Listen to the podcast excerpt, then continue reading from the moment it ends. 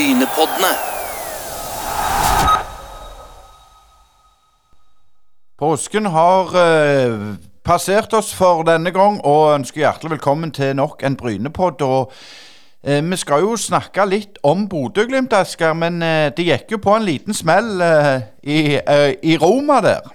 Det gjorde de. Eh, så får vi høre hva tipset var før kampen eh, senere i sendinga, for den ble tatt opp før Bodø-Glimt-kamp. Det gjorde han, og så må vi òg bare si det at uh, Eintracht Frankfurt gikk videre på bekostning av Barcelona, og Jens Petter Hauge han er jo nordmann, så vi er jo med ennå. Det er vi, men uh, det er klart uh, Fotballmessig er det jo interessant at Barcelona, som har vært det hippeste laget nå i, i snart to tiår, ryker ut i holdt på å si B-sluttspillet. Absolutt, men vi må jo røpe hvem dagens hovedgjest er. Det er Cato Hansen, tidligere uh, SIF, Bryne og ikke minst Bodø-Glimt. Så det blir en god time med Bodø-Glimt-stopp.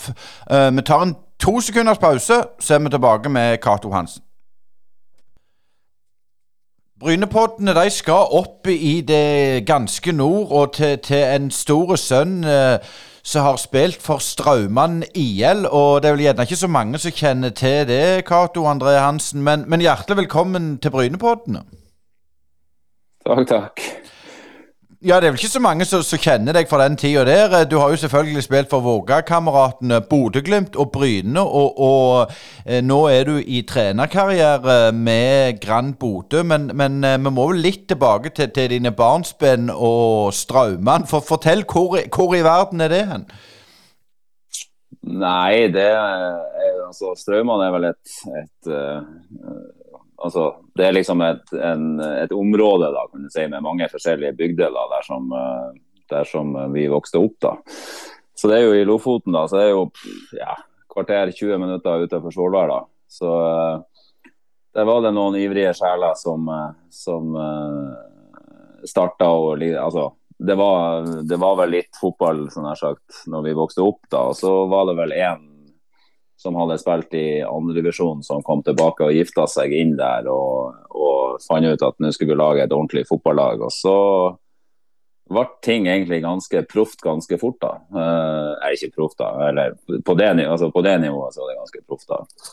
Og da var det, da var det jeg ble jo tatt opp, var så heldig da, at man var der at man fikk lov til å være med ganske mye. da, så Jeg tror jeg debuterte vel jeg vet ikke om jeg var 15 år enn jeg debuterte på A-laget. da, men, eh, men, eh, det endte opp med at vi rykka opp fra sjette divisjon til femte og fjerde. og En periode så var jo det faktisk det beste laget som var i, i, i, i si, ja, sier nå det området i forhold til Svolvær Kabelvåg. Vi slo jo alle de lagene faktisk i treningskamper og sånn en, en, liten periode da før at vi før vi valgte å gå over til Vågkameratene da, etter det da, og samle de beste spillerne da, på én plass. Så, eh, så, det var eh, vi, eh, De fleste rodde fiske og var si, sønn, sønner av båtredere. Så vi trente klokka sju om morgenen og spilte fotball og før vi gikk på havet og dro på jobb. og uh, Ingen festing i helgen. og Det var liksom, det var, det var, det var skikkelig greier. altså. Ja, så Da har du vært sånn eh, li, lininger og, og, hele pakken i, i ungdom, eller i bar, barndom? Ja, vi drev med snurrevaler, som er jo tråler. Så vi, vi, eh, vi, vi, holdt jo på så vi likte å kalle med ordentlig fiske, da, med beste kvaliteten. Så vi, eh, vi, vi fiska levende fisk, ikke død fisk. Men, men Kato, kan du si, kan, kan du si litt om, om eh, si, miljøet som var i Lofoten? For du kom jo i, i relativt voksen alder til, til Bodø-Glimt. Altså, var det såpass bra der at du eh, ble værende litt lenger enn det som kanskje er vanlig i dag når folk går til større klubber? Ja, det her var jo så tidlig at det var liksom ikke blitt sånn liksom som altså altså Sånn som det er nå, da, med at, eh, at, eh, når en spiller har vært i Porsgrunn og han er 14 liksom, på første, første Equinor-samlinga, liksom, så er du kan si, scouta opp og i mente. og og bli henta til skolegang og alle de tingene som er da, så, så, var det jo ikke helt der på den tida. Da var det jo mer tilfeldig at de her store lagene, sånn som Rosenborg og Bodø-Glimt og flere, de her reiste rundt og, og spilte type opp, oppvisningskamper i, altså i distriktene og sånn. og Så satt du sammen lag eh, som møtte dem. da, og Da var det jo da, de, de, som gjorde det bra der da, og viste seg frem, da, de, de fikk jo liksom en liten kommentar i boka da, og ble, ble invitert da på treningsbesøk og andre ting da, hos de større lagene. Så det var en helt annen verden da enn hva det er som er nå. da. Men, men når vi snakker mye med folk som var, var innom Bodø-systemet i den tida der du, du, kom, så er det jo mye Stålkameratene, noen Grand Bodø og, og, kanskje Fauskesprint og sånn. Men, men, hvordan var det å komme fra Lofoten og inn til Bodø og, og bli tatt inn i det miljøet der? Nei, altså det gikk fint. Altså, det her var jo en av de tingene som Trond Solli var ekstremt god på. da. Altså Han hadde et øye for, for eh, si, spillere som hadde egne kvaliteter da, som han var ute etter. Så han, han hadde et, et sinnssykt sånn her eh, ja, altså Han pinpointa det med en gang. da, og, det, og, alle de som han på sett og vis henta over til Bodø, da, selv om det var fra mindre klubber, da, de gikk jo inn og spilte i, i Tippeligaen. Og det gikk ganske fint, stort sett mer eller mindre med alle oss som kom. da, Så, så det var jo en av hans styrker. da, liksom, Å, å hente fra de mindre klubbene, lavere divisjoner, og, og gjøre dem til gode fotballspillere. da, så så, eh, så Bodø var en, allerede da en type plass der man egentlig ble satt i et system. Du, du ble plukka ut ut ifra en rolle du skulle bekle, og så, og, så, og så, fikk du det til å funke i lag med laget laget sin del. og Det er jo egentlig akkurat det samme som Kjetil og de gjør i dag. Da. Så det her er jo en ting som er starta for masse masse herrens år siden sånn for din egen del, Cato, når du kom til Bodø eh, Du sier du, du ble godt tatt imot, men, men alt, alt, det praktiske sånn, med leiligheter, skolegang Nå var du gjerne så gammel at du ikke hadde det, men, men, var det annerledes den gangen enn det du ser i dag? Ja, det kan man jo si. Jeg tror jeg, Nå er det så lenge siden at nå kan man jo, kan man jo jeg, tror jeg, jeg tror jeg hadde må bare tenke litt sånn her. Jeg tror jeg hadde 15 000 i måneden i lønn eh, brutto at jeg eh, reiste til Bodø. Og vi hadde, vi hadde, jo Jeg var jo 22 år da, så vi var jo i Lofoten så var det jo kaldt om vinteren. og så Vi hadde jo to unger med oss når vi flytta til Bodø. Sånn sagt, og, og eh, da, eh, da, sa det seg sjøl at hvis du skulle da leie, leie ja, leilighet eller du skulle kjøpe deg hus eller hva det enn skulle gjøre for noe, så hadde du ikke kjangs å overleve på, på 15 000 kroner brutto i måneden. Så, så, du var jo nødt til å jobbe ved siden av. da. Så jeg jobba jo fullt uh, ved siden av. da, jeg, Selv om at jeg sånn såkalt ble henta til Bodø for å være proff fotballspiller. Men vi må over til, til, den karrieren du hadde i Bodø. Altså, Bodø har jo fostra vanvittig mange gode fotballspillere. Du var jo innom uh, Trond Solli. Og fortell litt om den tida der. Hva, er det du sitter igjen med nå, noen år etterpå? Nei, altså man sitter igjen med En ting er at man kan si, har fått blitt kjent med fantastisk mye flotte folk. da. Altså Det er jo litt, altså Fotball er en altså det er noen sosiale egenskaper i fotball som du kanskje ikke opplever i så mange andre idretter. Altså, du får et enormt uh, nettverk rundt deg i forhold til, til, de som er med og rammer rundt. da. Både, både hun som selger kaffe Jeg fikk hilsener fra hun Audhild som selger kaffe og lager vaffelkake i, i, kiosken på Aspmyra senest i går, uh, som da sikkert er 80 år nå. ikke sant? Og, og, eh, så du, du, treffer så mye flotte folk og glade, interesserte folk. Eh, noen ganger sur, men mest glad. Og, så du bygger, du bygger, enormt mye sånn humankapital for å kalle det det, i forhold til å få lov til å være delaktig i, i, i fotballverdenen. Så det er noe av det viktigste som man har gjort. Og så har man jo fått sant, Man har jo vokst opp eller spilt i lag med, med, mange som på sett og vis er blitt ekstremt både nære og gode venner som man jo har masse kontakt med den dag i dag. Da. Så det, det er den opplevelsen av å få lov til å gjøre ting i lag da, som er ganske sterk. da. Eh, på 90 Midt på 90-tallet, så hadde det jo, når du kom, så, så hadde dere jo et, et ganske slagkraftig lag. Og, og Bodø var ute og spilte eh, Europacup. Som jeg nevnte litt før sending her, så, så, var jeg og så dere i 96 i Jerusalem. Dere vant 5-1 borte i, i, første runde, var det vel. Eh. Men, men, altså Den gang så var det jo sånn at eh, Rosenborg på en måte kjøpte opp alt som var av, av gode spillere rundt forbi og støvsugde det norske markedet. Men hvor langt tror du det laget kunne gått hvis dere bare holdt eh, brødrene Berg eh, og så alle de der andre spillerne som, som var gode. da, altså Stig Johansen var der jo. Eh, og du sjøl og, og, og Michaelsen var der vel òg, eh, så vidt jeg husker. Og, og Åsmund Bjørkan, som jeg kjenner jo fra i dag. Eh. Men, men kunne dere kommet og, begynt å utfordre Rosenborg den gang, tror du, hvis dere hadde fått beholdt stallen, eller var det nesten umulig på den tid? Nei, Det blir jo veldig hypotetisk. da. Altså, vi, vi, var jo ikke så langt unna da, på et vis. da. Men, eh, men, men det er klart at de hadde økonomi, og vi hadde ikke økonomi. og det er klart at Allerede da så var det jo egentlig nesten danna seg et lite sånn klasseskille på et vis da, i forhold til, til si, økonomien som var i fotballen i Norge. da, og, og altså, Rosenborg, Rosenborg, var i en særklasse allerede da, og de hadde liksom, det var litt sånn carte blanche for dem. De kunne gjøre hva de ville, og, og alle ville dit.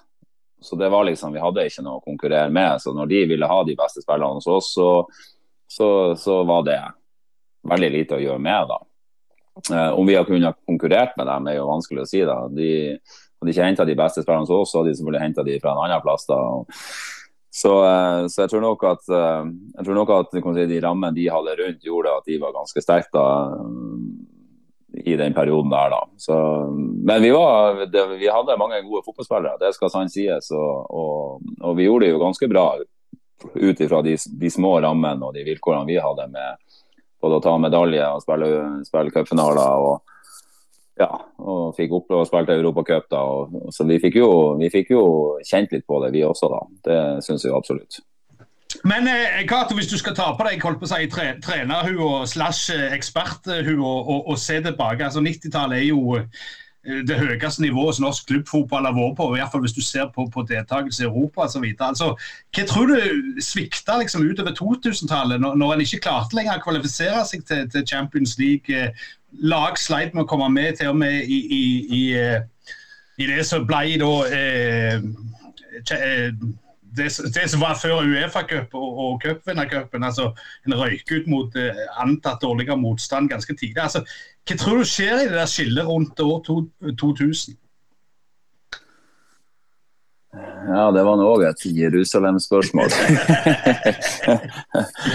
Nei, altså jeg tror, nok at, eh, jeg tror nok at man på sett og vis eh, på slutten av 90-tallet, altså liksom i den millenniumsperioden sånn i og rundt, så altså var det kanskje mange som mista litt gangsynet i forhold til eh, både økonomien i norsk fotball og, og si, utvikling av spillere. Og også det at mange på sett og vis Jeg syns det var mange som på sett og vis kjøpte de skulle liksom ha to allerede da ha si, to elvere og vel så det dobbelt opp i forhold til de beste spillerne og ting og tang. Og så var det ikke alle som var like flinke til å, til å si, administrere uh, spillertroppene og si, holde hold, uh, folk sultne nok og gjøre de rette grepene i og rundt, som gjorde at du fikk egentlig ganske mange spillere som var skikkelig skikkelig gode, som egentlig ble uh, fort dårlig fordi at de verken var i nok aktivitet og egentlig fikk ikke den hverdagen de gjorde. Så egentlig hele produktet bygde seg sjøl ned ut ifra hvordan ting var.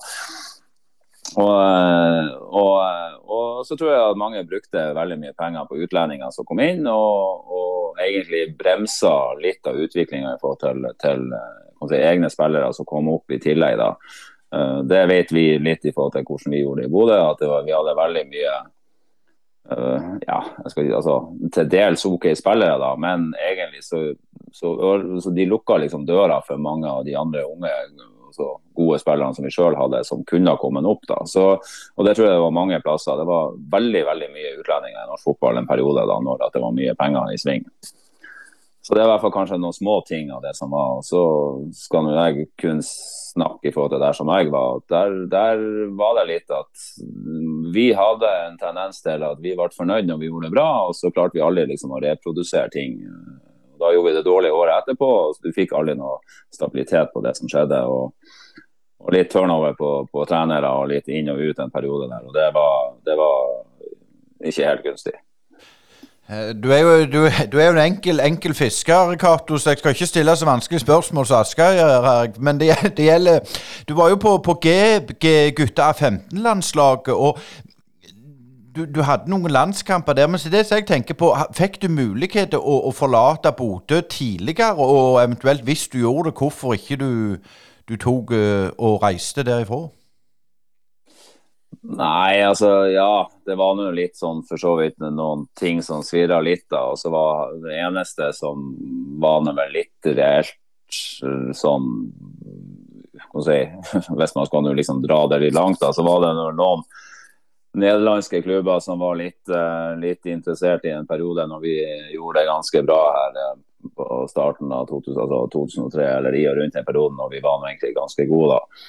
Men, uh, men det kom nå aldri så langt at det på sett og vis var noe type tema at, at det var noe så aktuelt. da. Så det var liksom ikke så mange det var ikke så mange andre alternativer som egentlig rørte på seg før at Glimt var konkurs, for å si det sånn.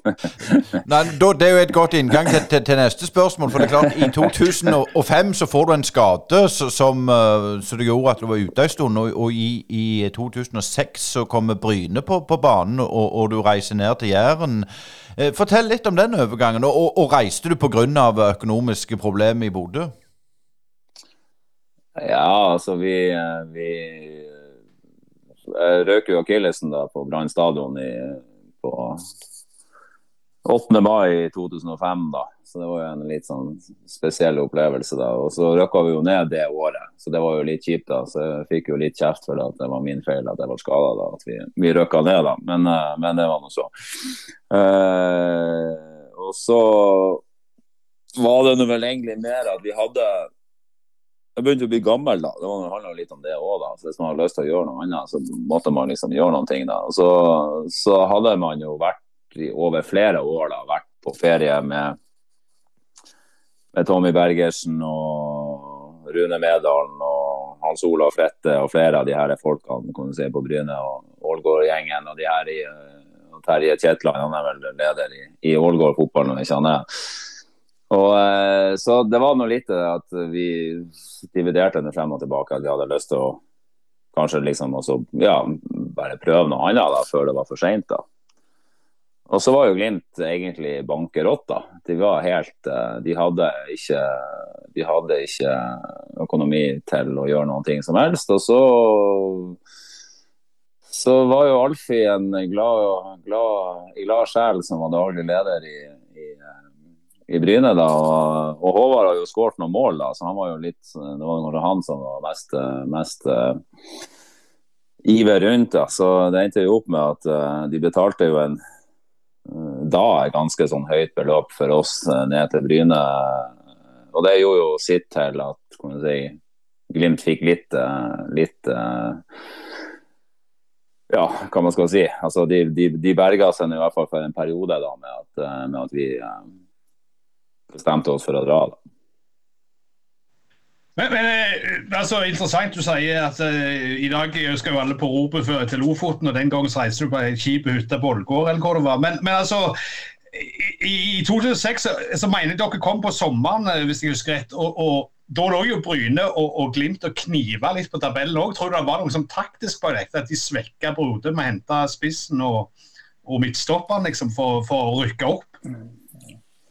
Ja eh, Jeg gikk nå ut av kontrakten, så for min del var det for så vidt litt sånn Det var noe med det at de var vel nødt, da. Altså, de hadde ikke noe Når det kom liksom et, et anselig altså beløp på bordet, da, så var de nødt til å selge. Det var ganske enkelt. Hvis ikke så var de var det kjørt.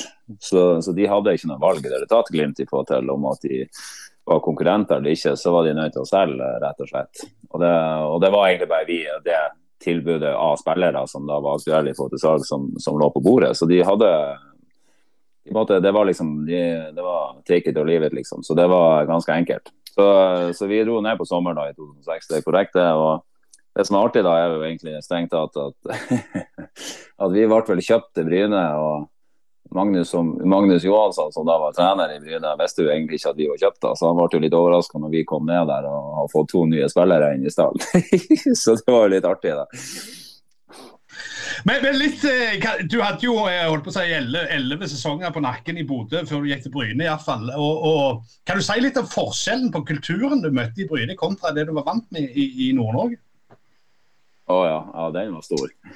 uh, du er det ikke sånn at, at, at, selv om man kommer fra Nord-Norge, liksom, så er det at man sitter i, ro, altså sitter i garderoben og er flåkjeftete og roper og smeller og bannes og kjefter og sånn. da. Det, det, er ikke sånn det fungerer. da, men men for å si det sånn at uh, Å komme inn i den, den garderoben på Bryne, det var, det var, nesten som å det var nesten som å komme inn i bønnestund. Altså, det, var, det var helt krise, for å si det mildt. Eh, vi møtte en gjeng med spillere som satt og kikka ned på skoene sine, som ikke torde å se opp. og Det var, det var, det var, det var nesten tragikomisk, for å si det mildt. Det var ikke lyd i noen, og det var ingen som sa noen ting. og Det var, det var helt stille. Uh, så, så, det var jo ikke en uh, Det var i hvert fall ikke noe som vi var vant til, for å si det sånn. Så det var, det var en spesiell opplevelse. Eh, men for din egen del, Cato, så, så, ble jo eh, med som sagt eh, karrieren i Bryne rimelig kortvarig. Fortell litt om hva som skjedde. Nei, det som skjedde var egentlig mer at man var Det var litt sånn etterslep da, etter den si at man hadde røka akillesen, så jeg var litt plaga med det. Så det var veldig sånn av og på. da, det, Og det visste vi jo, kan du si. Det var nå en av risikoene som, sagt, med, som lå i det. da. Så planen var jo i utgangspunktet da, at man skulle, skulle i utgangspunktet være spiller, da, men så skulle man da kan jeg si, dras inn i det sportslige apparatet. Da, I og med at han har ganske mye erfaring og han ja, har spilt i, i, mange år, da, så, så, skulle man jo liksom da Hvis, hvis ikke spillinga gikk, gikk, an, da, så, så, skulle man jo inn da og være med i det sportslige apparatet. Og det var vel sannsynligvis ikke helt, helt uh, avklart på forhånd. Eh, så det var en annen sak, da. Men, eh, men så det ble jo ikke så mye spilling, da. Så det kom jo opp, det kom jo opp ja, jeg vet ikke om det gikk et år. Det gikk kanskje et år, da. En sesong og vel så det. Så kom det jo selvfølgelig andre ting på banen da, som, som, som det kom mange hyggelige opplevelser ut av da, etter hvert. da. Ja, men jeg tenker litt på Brynetida. Vi må, må, ikke slippe det helt. For, for, du sier dere kom ned, du og Håvard Sakariassen, Magnus Johansson, som òg hadde i Brynepodden her for noen måneder siden. Eh, visste ikke om det. Du sier du ble forespeilt en sportslig rolle. Det høres jo ut som, for, for meg som står på utsida, at det var, var, det litt kaos? Var det litt armer og bein? Hadde de kontroll, sånn som når du ser det etterpå nå? Ja, altså jeg tror nok kanskje, tror nok kanskje at de som, de som, vi hadde dialog med, hadde kontroll. Da. Så spørs det jo om at kanskje dialogen mellom dem og daværende trener helt var under kontroll. Da. Så det var, var kanskje to forskjellige caser. Da. Uh, så så jeg husker vi kom ned, da, så var flyet vårt forsinka. Så det endte vi opp med at vi fikk ikke lov til å være med på trening. Så vi, vi, sprang, vi sprang, rundt banen, jeg og Håvard, en, jeg tror vi sprang i én time rundt banen i 30 varmegrader. det var liksom første møtet vårt med, med, trening på Bryne, for å si det sånn. Ja, det, det høres unektelig litt spesielt ut. Eh, men, men litt, eh, du, du, kom jo, du gikk jo over til SIF og ble etter hvert trener. Men var trenervirket noe du allerede hadde bestemt deg for at det skal jeg satse på? Nei, det var ikke det. Det var litt sånn, det var egentlig litt sånn overraskende. For det, kom, altså, det var Alfie som kom en dag, og så bare sier liksom at han Han har prata med, med, med, Øyvind, da. Uh, altså Ekeland, da, liksom. At, ja, nei, de skulle hatt en trener inne i Stavanger. De hadde liksom lyst til å lage et opplegg da. Og, uh, så han har sagt at det var greit. var beskjeden jeg fikk. Uh, men da var jo jeg skada, så, så, jeg måtte jo liksom måtte jo si at jeg må jo, jeg må jo tenke litt på det. da. Det er jo ikke bare å plutselig si det at jeg skal være trener. da. Det er jo, det er jo, det er jo ganske stor forskjell da, i forhold til å være spiller og skal bare plutselig hive seg rundt og være trener. da, og skal, og skal drive et lag. da. Så, så vi gikk noen runder da, i og rundt det. da, og snakka med de inne i Stavanger. og Så fant vi ut at ok, så lenge at jeg ikke klarte å, å, å spille, så var det selvfølgelig greit å, å, gi det et forsøk. da. Så det funka jo for så vidt ganske OK, da. Det skal ikke klage på det. Men, men Kato, altså, SIF var jo et lag altså, de som, som jeg, har, jeg, har, truffet noen sånn ihuga gamle SIF-fans som liksom hater Viking og er født på 1930-tallet og kanskje før det òg. Men, men, altså, SIF var jo et lag som for, for, mange mange, mange år siden var på en måte Stavangers nummer to-lag, og, og, kanskje av og til nummer én. Og du fikk jo på en måte litt sånn carte blanche til å bygge opp SIF eh, og ta de opp i divisjonene. Litt sånn Abramovic i Chelsea, bare i et litt mindre format. Kan du fortelle litt om den opplevelsen du hadde med SIF eh, fra du gikk inn dørene der?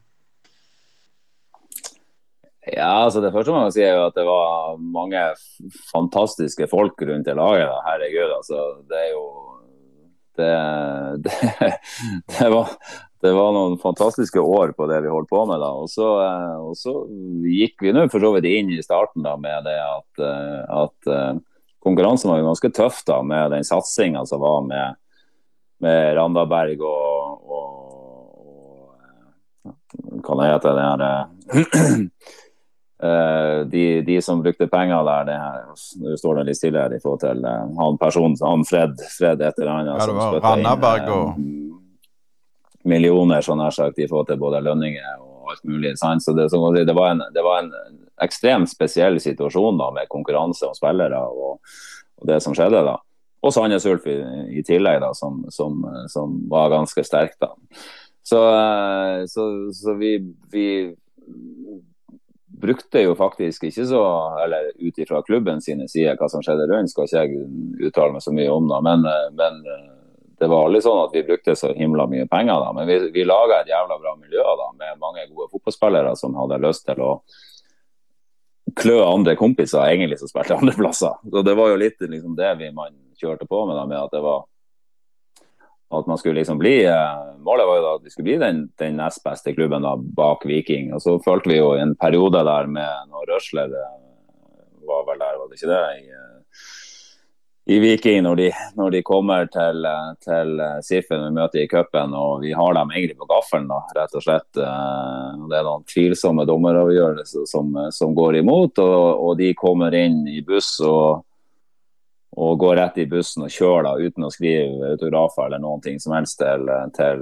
1500 unger folk som er der. litt sånn her da. Og da, da ble en liten sånn clash da, i forhold til, til det her med Viking òg, for vi syns at uh, så stor var de ikke at de på sett og vis ikke skulle respektere alle andre folkene som var der. da.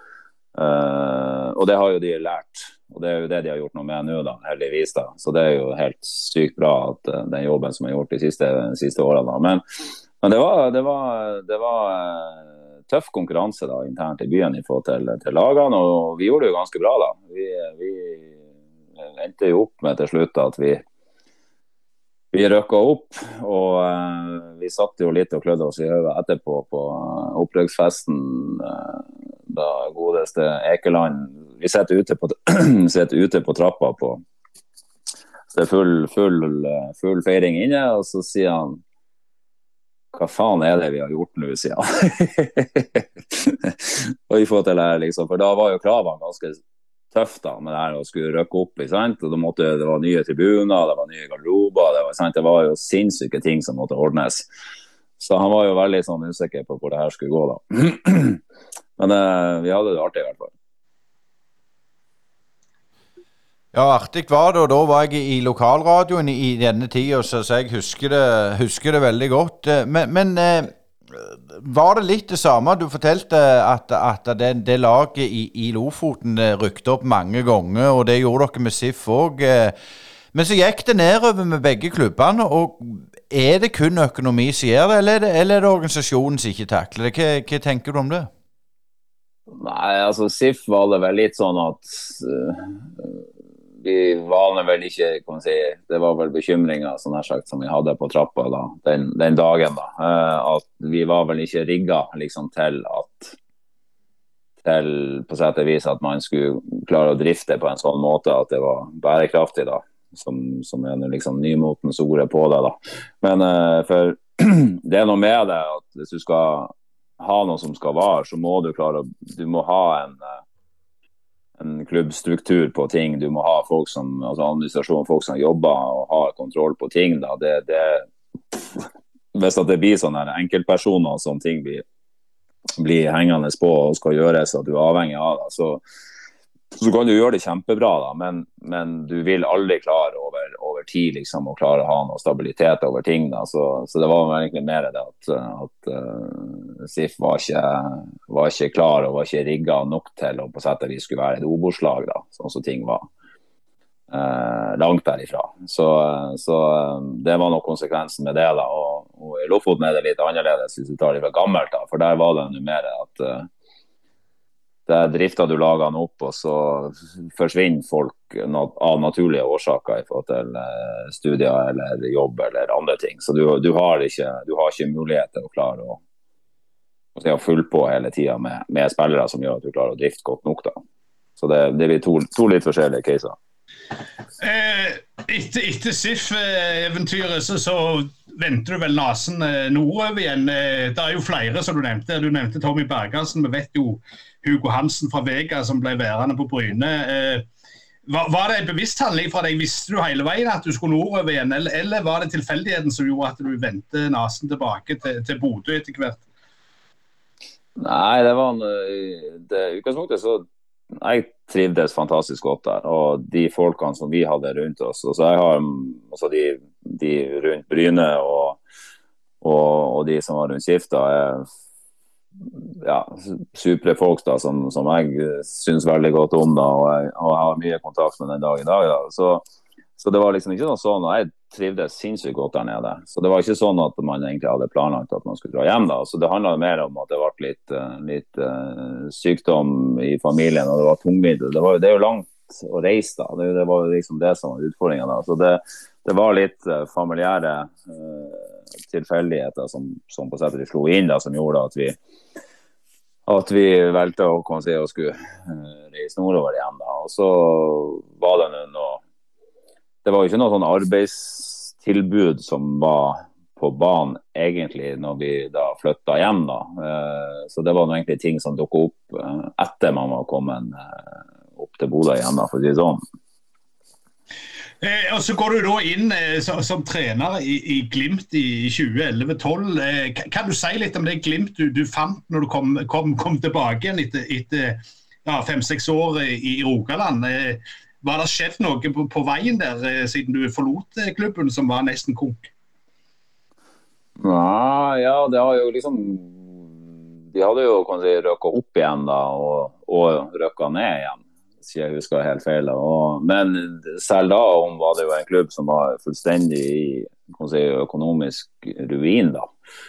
Uh, det var jo i den perioden at, uh, at uh, Runar og Ørjan gikk rundt egentlig og sto i glasshuset og gikk rundt til folk og, og samla inn skulle jeg si, nesten så de samla inn flasker for at vi skulle komme i mål med, med å bære klubben. Da. Og de, de fikk en avtale med med Bodø kommune i forhold til salg av stadion og, og, diverse ting da, som gjorde at de berga seg. da, Men da var det jo helt fullstendig altså Enda verre enn hva det var når jeg og, jeg og Håvard da dro i, i 2006. da. Så, så, det var jo egentlig en klubb fullstendig på bar bakke, for å si det sånn. Og så snudde det liksom i den perioden litt da, i forhold til noen positivitet som skjedde. da. Det var jo mye styr, så jeg husker det, i forhold til at Kåre fikk jo sparken da i 2011, var det det? eller noe sånt. Så da var jo jeg med som assistent i lag med han. da, og, og, Så jeg tok jo over da. da, Så var jeg jo da kan si, trener året etterpå da på A-laget da, i 2012. Tror jeg det var, hvis jeg husker helt feil. Uh, men det var jo Vi spilte jo da i Obos, og det var jo Det var jo eh, Det var jo Det var liksom ikke noe det var ikke gallamiddag i helgen, for å si det sånn. det var det ikke. Men så var det jo eh, vår, vår, vår, venn sagt Jan Halvor Halvorsen overtok etter deg. Men det er en ting som skjer. Jeg er litt usikker om det er 2012 eller 2013. En Øyvind Iversen kom inn i klubben og, og, og er vel akademisjef. Hvor mye har han betydd for det, så, den suksessen som ligger nå, tror du? Nei, jeg kan si at Det, det starta jo litt egentlig altså når Øyvind kom inn, da, så var jo han en, en altså, hva man skal si, altså han, han er en, en, altså en fotballnerd på noen ting i forhold til liksom teorien rundt i forhold til alle, alt som har med systematikk og metodikk og planverk og ja, så alle de tingene som du på sett og vis si, bør ha på plass da, for å, å på sett og vis skal drive godt. da. Så, så i 2013, når, at, når Jan Halvor og, og Åsmund og de da kom, kom inn da på, på A-laget, så, så, hadde jo jeg et år som ambassadør, da, for å kalle det det. Så jeg fortsatte jo i Glimt, men var ambassadør, så jeg reiste rundt i Nord-Norge og hadde ja, foredrag om, om Glimt og si, fremsnakka da egentlig det at vi da si, Akademimodellen som han Øyvind da holdt på å jobbe med og vi liksom skulle begynne med da og, ja, og egentlig prøvde å si, bygge opp igjen uh, hele den her uh, ja, altså Glimt-profilen som egentlig kanskje ikke var så positiv rundt omkring i distrikt, distriktene i, i Nord-Norge til tider. da Eh, så det var liksom en, et mål da, å liksom få bygd opp det her og være, prøve å være så folkelig som det gikk an å, å, å, være rundt og prate med folk. Og så begynte vi jo sånn ordentlig da i 2014 da, med kan si, at vi da laga akademi. da. Og Dette var jo det Øyvind hadde da sittet over en lang periode og laga til, et, et, et, en, si, en systematikk og en metodikk på hvordan ting skulle se ut, som da vi begynte å jobbe etter da, som, med å ansette spillerutviklere, altså trenere på si, ungdomslagene i Glimt.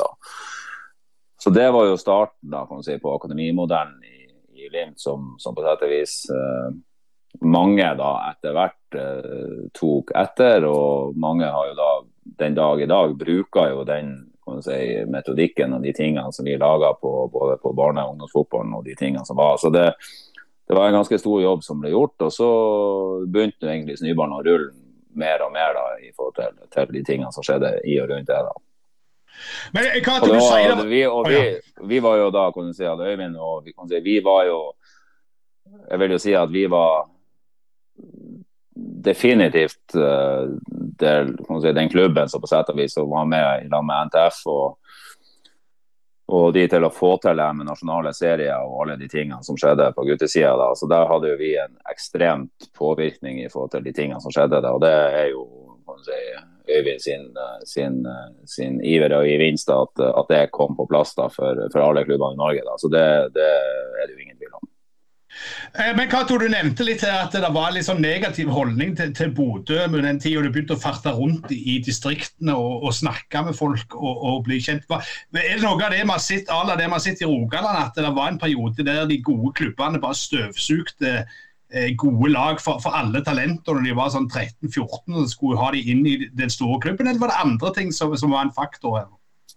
Ja, men det var liksom På noen plasser så var det ifra lang, lang tid tilbake. Liksom at uh, når du hadde, var, tok en kopp kaffe i lag med folk på klubbhuset, så var det folk som huska historier liksom 20 år tilbake i tid som var negative. og Noen så var det noe kort perspektiv da, og litt sånn forskjellig. Så, så det, var, det, var, ganske sånn variert på liksom hva som var uh, det som folk huska, og det som folk har bedt seg merke i som var negativt. da. Men, men folk huska de altså de husker jo selvfølgelig ikke at uh, laget eller altså A-laget eller spillere kan hende ha vært nede og vært med på trening og spilt opp, altså opp, uh, oppvisningskamper og type ting. Da. De husker liksom de små, små uh, detaljene som har vært negative. Da. Så det, det, er, det, er, ganske sånn spesielt da, at, at at du må bruke tid på liksom, å bygge opp denne relasjonen igjen, da, som er ekstremt viktig. da. Og Det var, det var mye sånn grums som lå der fra gammelt, da, som egentlig måtte på plass igjen. Da. Også i forhold til akademimodellen så var det viktig det at vi måtte ha en super og god og ja, tett relasjon og dialog med alle de klubbene rundt oss. Hvis vi skulle få alle de unge talentene til å komme opp til Bodø og være med og hospitere og, liksom, og lage et opplegg for de da, så måtte vi ha en god dialog med de. Så det var jo litt eh, liksom, jobben, da. Og, og eh, da, da, måtte du spille på lag, rett og slett. Men, men, kan du si litt mer om hvordan du angriper den, den prosessen? For det, Du sier det, det er ting som har ligget ulma i årevis, og, og, vi vet jo det finnes jo det rundt forbi hele Fotball-Norge, gamle konflikter osv. Men, men altså, sånn når du skulle sette deg inn i din egen på en måte, du, du hadde jo vokst opp i Lofoten og kjente jo litt andre kanter enn bare rundt Bodø. men altså, når du skulle begynne å reise ut til disse klubbene, sånn, hva, hva, gjorde du på, som forarbeid, og hvordan på en måte angrep du situasjonen for å rette opp i dette forholdet?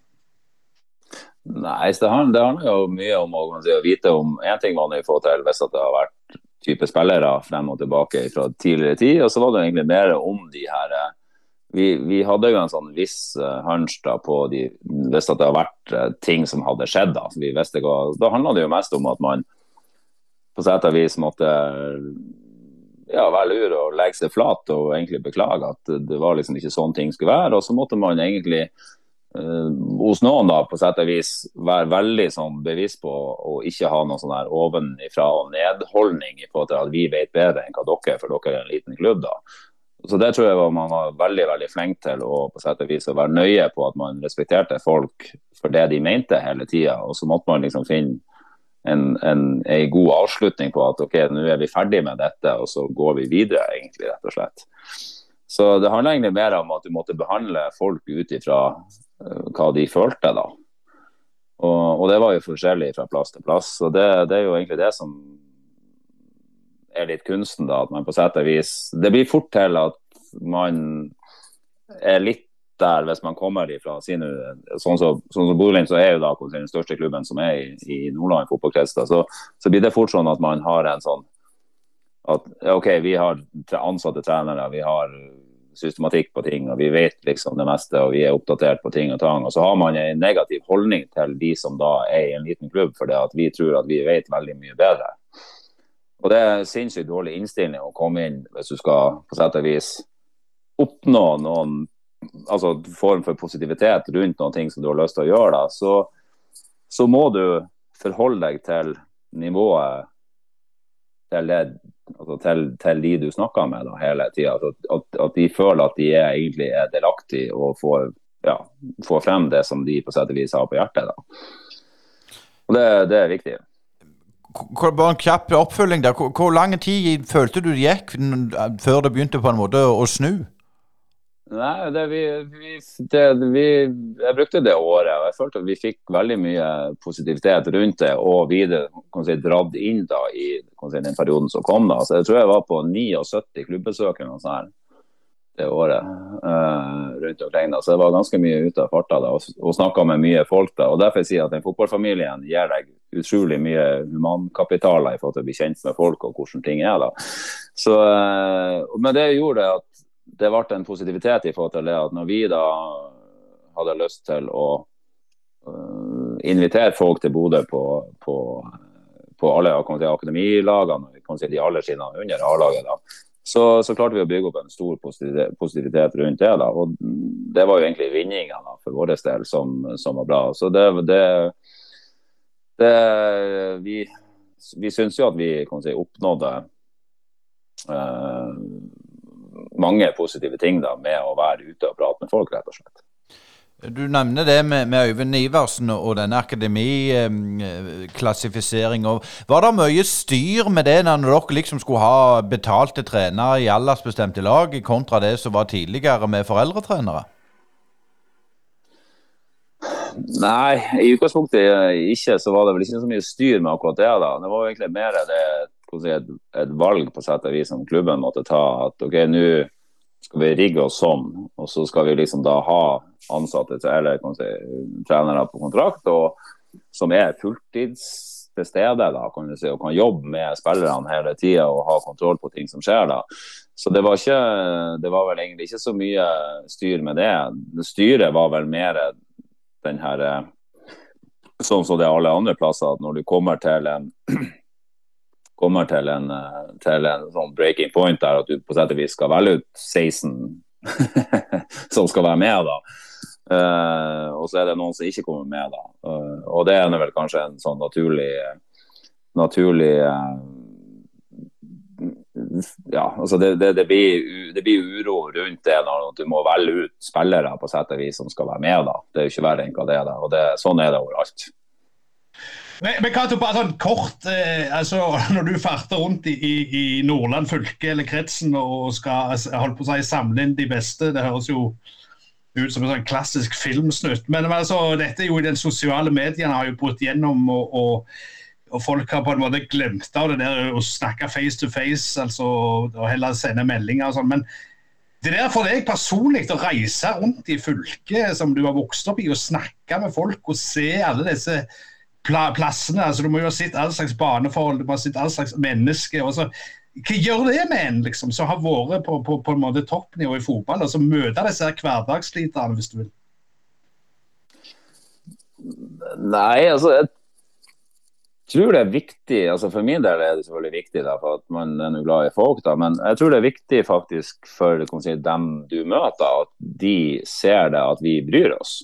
Jeg tror altså, Det er en av de viktigste si, banebryterne i, som er i fotballen og idretten, eller hva det måtte være for noe. Det er liksom det at en, en, en, person eller flere liksom faktisk ser det, at man tar seg tida og bryr seg om det. Altså Jeg har vært og hatt fotballtrening i en gymsal i Skrova for tre stykker. Og det var fantastisk artig. Og de gudene skal vite at de ungene der de var helt i skyene etterpå når vi var ferdig. Men det handler jo med den på sett og vis det her. Jeg tror det, jeg, jeg tror det, er sykt viktig bare det her å gi folk en sånn følelse av at når du kommer til en liten plass eller en mindre klubb, at du faktisk gjør det fordi du bryr deg, og ikke fordi du må. At det er noen som har sagt at dette skal du gjøre. Og, og det, det det, det, er forskjellen for min del som person. At, at uh, jeg holder på med fotball fordi jeg syns det er det artigste som finnes. Og, og, at jeg bryr meg om folk og vil at folk skal ha det bra. Om de er i lag med meg på mitt lag, eller om de er i og rundt som kommer på besøk, eller hvordan man skal hjelpe andre for å, å, å lede dem, lose dem til, til andre klubber sånne type ting.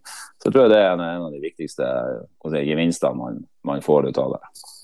Eh, sånn som vi så, så, ser dette på, på TV, så, så, ser det jo ut som at dere har henta i Bodø folk som kan utvikle et hakk videre. Du har Morten Kalvenes som òg hadde i Brynepoddene. Eh, når du har vært inne i miljøet, hva er det dere har sett etter? Hva er det dere har på en måte henta ekspertise fra?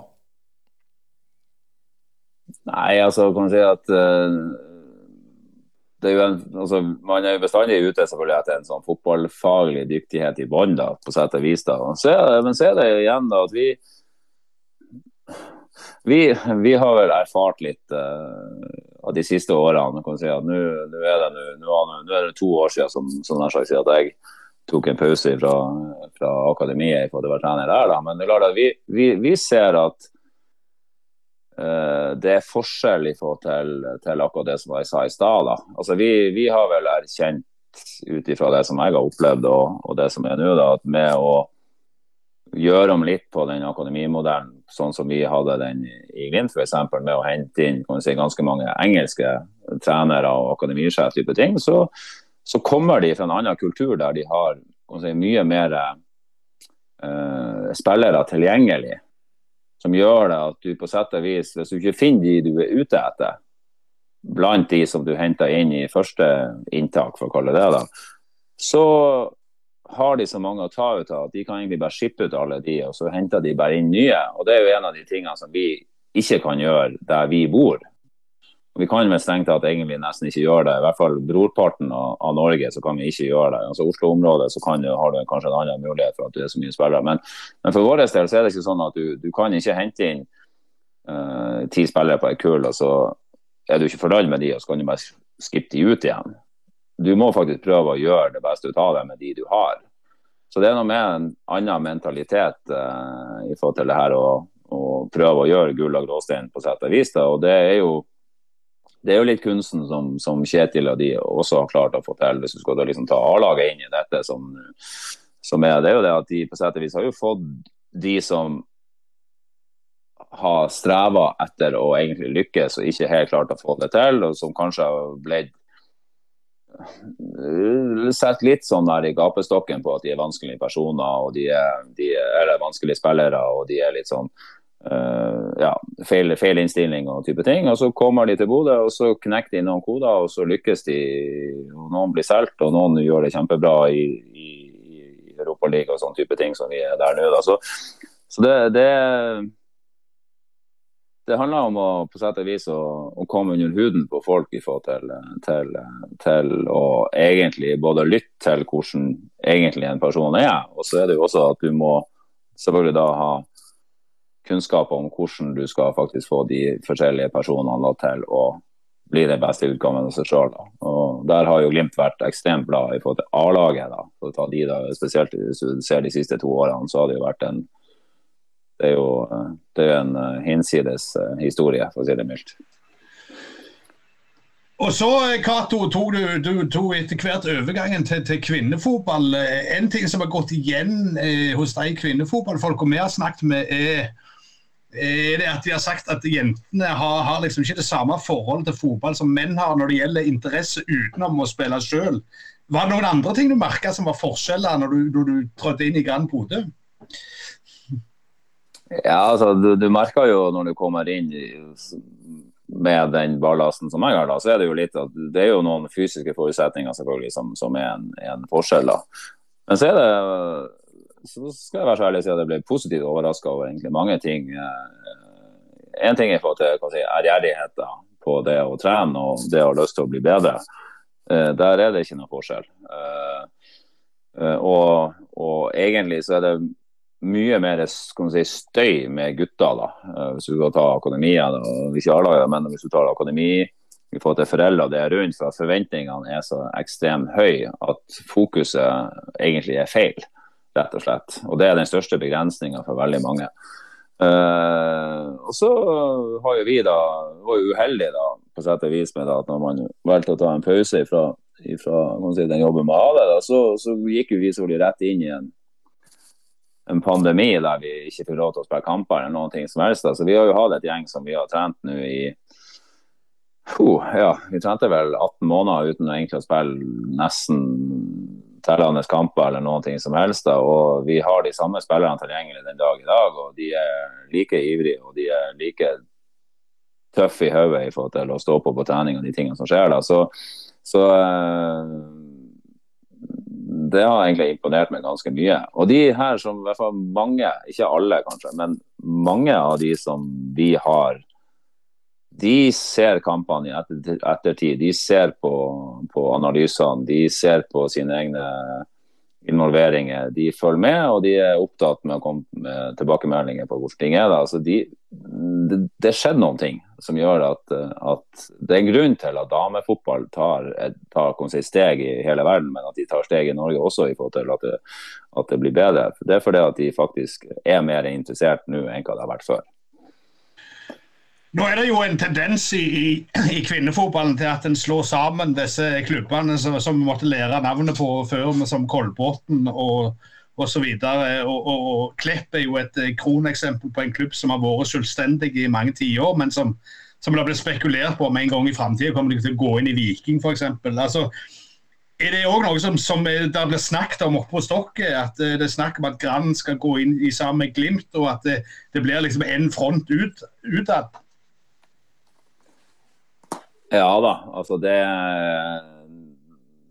Den dialogen er ganske tett akkurat nå. og Nå er det nå er det ansatt en person da, på sett og vis, han er ansatt i Glimt, da, som da på sett og vis skal si, utrede den prosessen på hva som er den beste måten, da, eller hva liksom riggen skal være, da, som, som da skal gjøre da, at, si, at det samarbeidet da, skal, skal bli til, til til at uh, du skal ha et si, damelag på så høyt nivå som spiller i, i Bodø-Glimt. Så det Vi får se hvor fort den prosessen går da, og de tingene som jobbes med. Da. Men uh, jeg vil ikke bli overraska om at, uh, om at si, Gran Bodø, damelaget, da, spiller i, i gult i 2023 allerede. En siste spørsmål for meg, Cato. Vi som ikke trør daglig rundt i Bodø. Eh, kan jeg spørre deg litt om hva effekt av den suksessen til Glimt har hatt for, for selve byen og området rundt? Har du merka noen forskjell på disse siste fire-fem årene? Ja, altså, altså, Det er en enorm si, positivitet i forhold til det som skjer rundt. Da. Nå nå kjenner jeg flere av de som, som på sett og vis eh, er hotellsjefer og flere ting da, som er i og rundt. De, de, altså, det er mye mer si, folk som kommer det er mye mer folk som kommer tilreisende på kamp, ikke minst i, i forhold til det. Og Nå har jo europacupkampene vært, eh, vært spesielle, spesielt den siste da, med at de bygde ut eh, med 2000 nye seter, da, som gjorde at ramma rundt den kampen var jo, var jo helt magisk nå sist mot Roma. da, og Så det er klart at, at kan si, byen og ja, kall det utelivsnæringa, eller de, de, de, som er rundt da med, med hotell, restaurant, uteliv og sånn, da, altså de, de, det er jo tjåkefullt hele tida i forhold til kan si, rammen rundt kamp. Og så er det mye folk, eh, altså tilreisende folk da, si, utenom da, som faktisk kommer. og, og nå var det jo flere italienere, det var litt artig. da, for Det var, det var jo flere italienere da, nå som var i november, da, når det var mørketid. Og spilte, når de spilte mot, mot Roma sist, som var, så var de ikke veldig fornøyde. Men de kom tilbake nå, da. Og da fikk jeg egentlig oppleve når det var lyst. Og så var det jo sinnssykt fint vær da, med solskinn og helt fantastisk magisk med nordlys og alt mulig. Så de, de fikk jo oppleve da, Bodø og Nord-Norge da, på sett og vis eh, sånn som vi ønska å fremstille det, da, selv om de tapte. da. Eh, og, så det er klart, du, du, du, byen blir lagt frem på sett og vis på, eh, med, med det her i amerikanske altså, ja, amerikanske aviser, for å kalle det da, og All snakken i forhold til Europa og alle de tingene som er med i fotballmedia. Altså det, det, det, er sykt mye folk som følger med. og det så det kan si den merkevaren som på sett og vis var kanskje nordnorsk og kanskje veldig sterk lokalt, og var den nordnorsk eh, del sånn her sagt, i forhold til det, og, og tidvis kanskje en nasjonal, eh, nasjonal eh, ja, altså, folk hadde et forhold til Glimt. da, men klart at Den merkevaren som er i dag, da, er jo blitt enorm i forhold til, til, det som har skjedd de siste, siste, to årene. og Kanskje spesielt det siste året. da.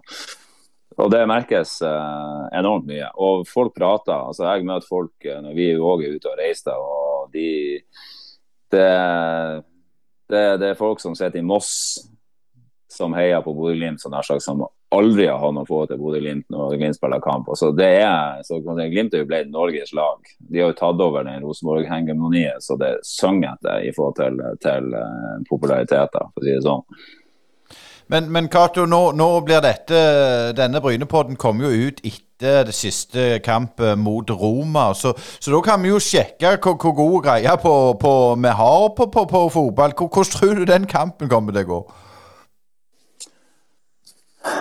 Ja, det er jo et veldig godt spørsmål. da. nå er det jo mange ting som har skjedd da, etter den kampen i Bodø, med, med, suspensjoner på trenere og, uro rundt det. Og så er det selvfølgelig noen skader i forhold til et par spillere som, som måtte gi seg i forhold til kampen i serien i der mot Sandefjord. Så, så, Glimt stiller vel kanskje litt sånn usikkert i forhold til det som skjer på torsdag. Men, men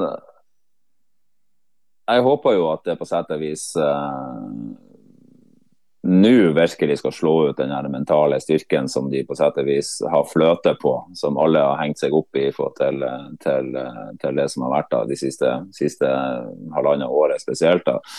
Så eh, jeg tror jo de kommer til å fly skoene av seg. Og jeg tror at Roma er jævla stressa, så jeg blir faen ikke overraska om at de ikke taper. Rett og slett. Og så uh, snakka man litt med hjertet, da, men, men, det har jo vært usannsynlig artig bare for å se trynet på José Mourinho hvis han ryker ut av Europacupen etter alt det som han har stelt i stand, for å si det sånn.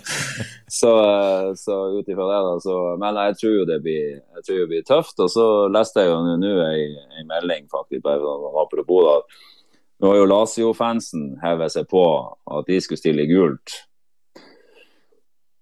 Uh, de er jo hatske mot Roma, ikke sant? i forhold til det da. Så de har jo da visstnok uh, ryktes at de skal henge seg på sammen med Glimt-fansen da, i forhold til å støtte Bodø-Glimt. Uh, så hvis det skjer, så har man jo egentlig skapt en annen revolusjon i forhold til fotballverdenen på at, uh, at noen motstandersupportere liksom er med og, og hjelper til da, for, for å, å, å, sette en ekstra trøkk rundt det, det som skjer. Så jeg tror faen meg de er tullete nok til at de kan klare å gå videre. Og så Hva er resultatet, egentlig? Det, det er ikke nøye. Så det, altså det, viktigste er egentlig at de kommer ut av det på en sånn måte at, at de går til neste runde. da. Ja, og Kommer de til neste runde, så er det jo første gang siden Lyn vel eh, røk ut for Barcelona at det er et norsk eh, lag i semifinalen. og Det er jo ganske mange år siden, før vår tid, at de sammen her. Eh, så vi får håpe at eh, Glimt eh, klarer, klarer å holde U-en, og så ender vel José Mourinho opp i Stålkameraten til slutt, hvis det, hvis det går den veien.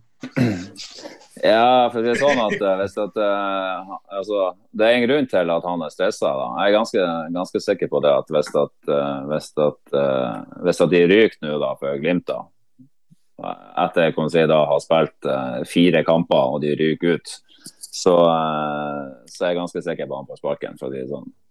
Det er han ferdig der. Og Det er klart altså, det ligger ganske mye i potten for, for hans del. Så man skjønner jo at han, at han prøver alle midler da, for å å nå målet.